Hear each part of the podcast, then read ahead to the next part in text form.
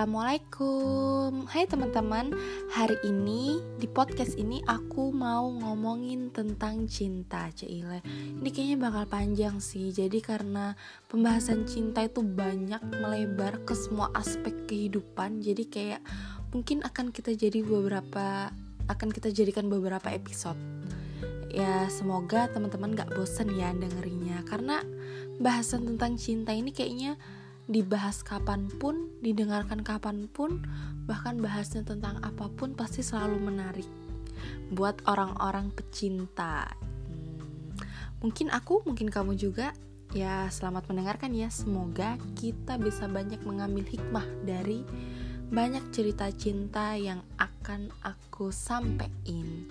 Tapi sebelumnya, teman-teman, sebelum kita melangkah jauh ini, melangkah jauh ke uh, cerita tentang cinta dan lain-lain. Sebenarnya pengertian cinta itu sendiri apa sih kalau menurut teman-teman?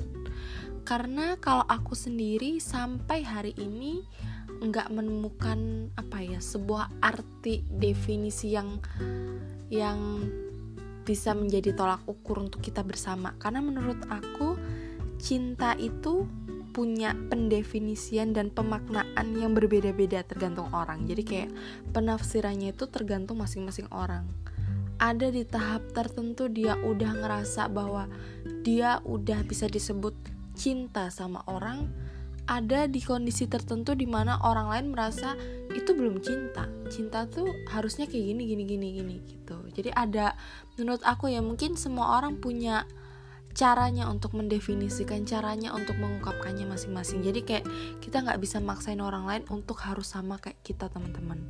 Nah dari ngomongin cinta ini setelah aku banyak apa ya banyak untuk mengulik ke teman-teman aku gini kan aku sampling nih ke teman-teman aku kemudian aku juga cari tahu di blog artikel kemudian ada mungkin beberapa jurnal kayak gitu di sini aku mendapatkan apa ya beberapa insight bahwa ternyata ketika kita menyatakan bahwa kita udah cinta sama orang, kita tuh harus menilik ulang dulu teman-teman. Sebenarnya kita itu udah beneran cinta atau sebenarnya belum sampai tahap cinta? Karena sebenarnya kayak gini tuh ada tahapannya.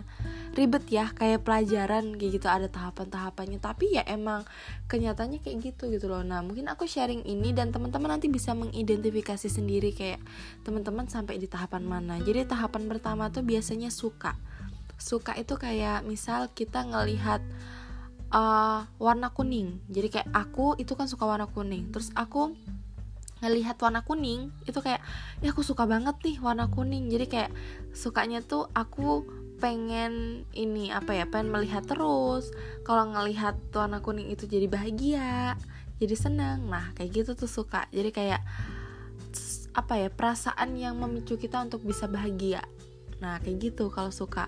Nah di atasnya suka itu ada tahapan yang namanya kagum. Nah kagum ini bukan cuma sekedar suka ngeliat doang Tapi dia kayak udah sampai ngewah-wahin kayak Wah, wow kayak gitu loh. Jadi kayak sesuatu sesuatu itu udah wow banget gitu. Kayak bagi dia ya hanya itu gitu loh. Misal kayak aku kagum sama misal aku kagum sama Nabi Muhammad kayak Ih, masya Allah banget Nabi Muhammad ibadahnya ya Allah.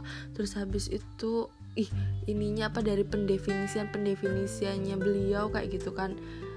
Penggambaran karakter fisiknya beliau kayak gitu tuh udah kayak wow banget masya allah. Kayak nggak ada manusia yang sesempurna itu nggak sih? Nah kayak gitu tuh udah kagum. Kagum tuh udah sampai kayak gitu kayak udah memuji-muji. Jadi nggak cuman sekedar suka ngeliat tapi dia udah memuji-muji. Bahkan kadang dia kepikiran juga kayak wah iya ya orang itu kok wah masya allah banget ya kayak gini gini gini. Nah itu udah kagum. Di atasnya kagum itu baru yang namanya cinta. Nah cinta ini bukan cuman sekedar kita suka kemudian kita terbayang-bayang kayak gitu bukan cuman itu. Jadi kayak cinta itu udah ada rasa kayak kita pengen memiliki jadi kayak aku suka SpongeBob terus nanti aku kagum sama SpongeBob. Sampai pada tahap aku cinta SpongeBob berarti kayak aku udah pengen punya beberapa hal yang berkaitan dengan SpongeBob. Misal kayak boneka SpongeBob atau patung SpongeBob kayak gitulah. Semacam itu kayak gitu.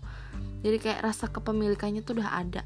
Pengen pokoknya milikin. Nah itu udah namanya cinta. Nah di atasnya cinta sebenarnya ada satu lagi teman-teman kalau teman-teman sering dengar kalau orang pacaran atau orang udah nikah kayak gitu kan udah sering banget ngomongnya bukan mungkin ada ya beberapa yang ngomong cinta hai cinta hai cinta kayak gitu. Tapi kebanyakan tuh ngomongnya sayang nggak sih? Kayak halo sayang halo sayang gitu. Kayak sayang itu lebih lebih apa ya? Kalau aku lihat sih kayak sayang itu lebih dari cinta. Jadi kayak kita udah di tahap cintanya itu bukan cuma sekedar pengen milikin. Jadi kayak kita pengen milikin ya benar kita pengen milikin tapi pengen milikinya itu udah bukan cuman sekedar pengen milikin. Jadi kayak biasanya ya kalau cinta tuh lebih kayak terobsesi pengen gini pengen gitu. Terus kayak hal-hal yang berkaitan dengan menggebu-gebunya gitu. Kalau sayang tuh udah kayak lebih slow tapi dia lebih dalam sebenarnya perasaannya. Jadi kayak kalau aku sayang SpongeBob. Berarti kayak aku udah selalu maksudnya kayak setiap orang suka SpongeBob it's okay. Tapi aku punya perasaan yang dalam buat SpongeBob itu. Jadi kayak lebih uh, punya sesuatu yang mendalam dan kayak apa pun yang terjadi sama dia nggak nggak bakal ngaruh buat kita gitu loh. Seberapa banyak pun yang suka sama dia kayak gitu itu nggak ngaruh juga. Kayak namanya sayang ya udah sayang aja. Dan sayang itu kadang nggak butuh alasan lebih lagi kayak gitu loh. Itu sayang. Nah ngomongin ini semua nih teman-teman sebenarnya kalau sampai pada tahap udah cinta udah sayang gitu kan kadang tuh ada dua dua kondisi ya yang bisa menyerang kita gitu kan. Uh, kadang misal kita suka eh dia enggak. Atau kondisi lain kita suka dia suka. Nah mungkin beberapa orang menganggap bahwa keadaan itu menjadi beruntung ketika kita suka dia suka. Tapi sebenarnya teman-teman yang perlu kita tahu juga bahwa ternyata kalau kita suka dia nggak suka itu juga keberuntungan buat kita. Kenapa coba? Karena kadang kita tuh terlalu naif ya. Maksudnya terlalu berpikir bahwa kita suka sesuatu dan kita pengennya itu pokoknya gitu loh. Kayak kita merasa udah itu yang terbaik. Padahal ya beberapa tahun lagi nih kita tuh nggak tahu bahwa mungkin ternyata orang itu tuh nggak terbaik buat kita. Kayak misal kita udah tertarik banget sama orang nih orang A si Fulan lah si Fulan. Terus habis itu kayak kita suka semua yang berkaitan dengan si Fulan apa ya akhlaknya lah apanya lah gitu. Terus habis itu ketika kita udah suka kita ini apa namanya ngotot. Pokoknya pengennya si Fulan si Fulan. Eh kita udah suka banget nih sama si Fulan. Ternyata si Fulan nggak suka sama kita. Terus apa jadinya?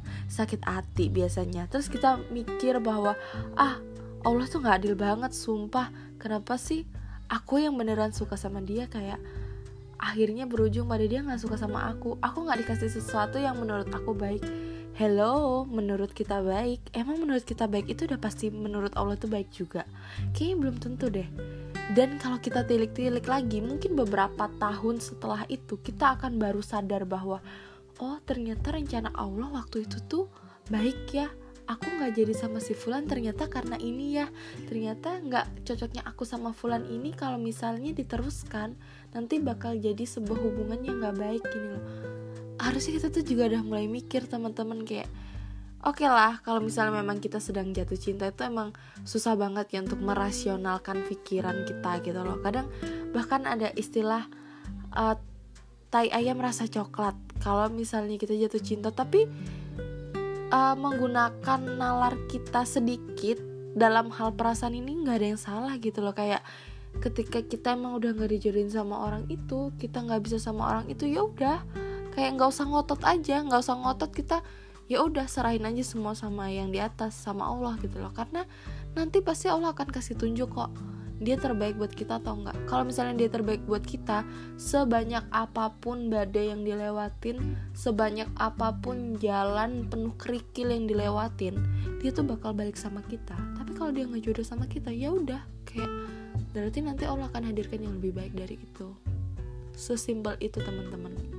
Tapi kadang emang pemaknaannya yang agak sulit ya buat kita ketika kita baru ngalamin itu ya santai aja teman-teman. Memang semua butuh waktu karena terkadang yang bisa membuat kita tenang itu bukan karena kondisi kita saat ini tapi karena waktu yang bisa menjadi tempat perenungan terbaik untuk kita semua. Oke teman-teman, hari ini, malam ini sekian dulu pembahasan tentang cinta. Ngomongin cinta part 1 Nanti kita akan ngomongin di episode selanjutnya. Stay tune ya Wassalamualaikum warahmatullahi wabarakatuh.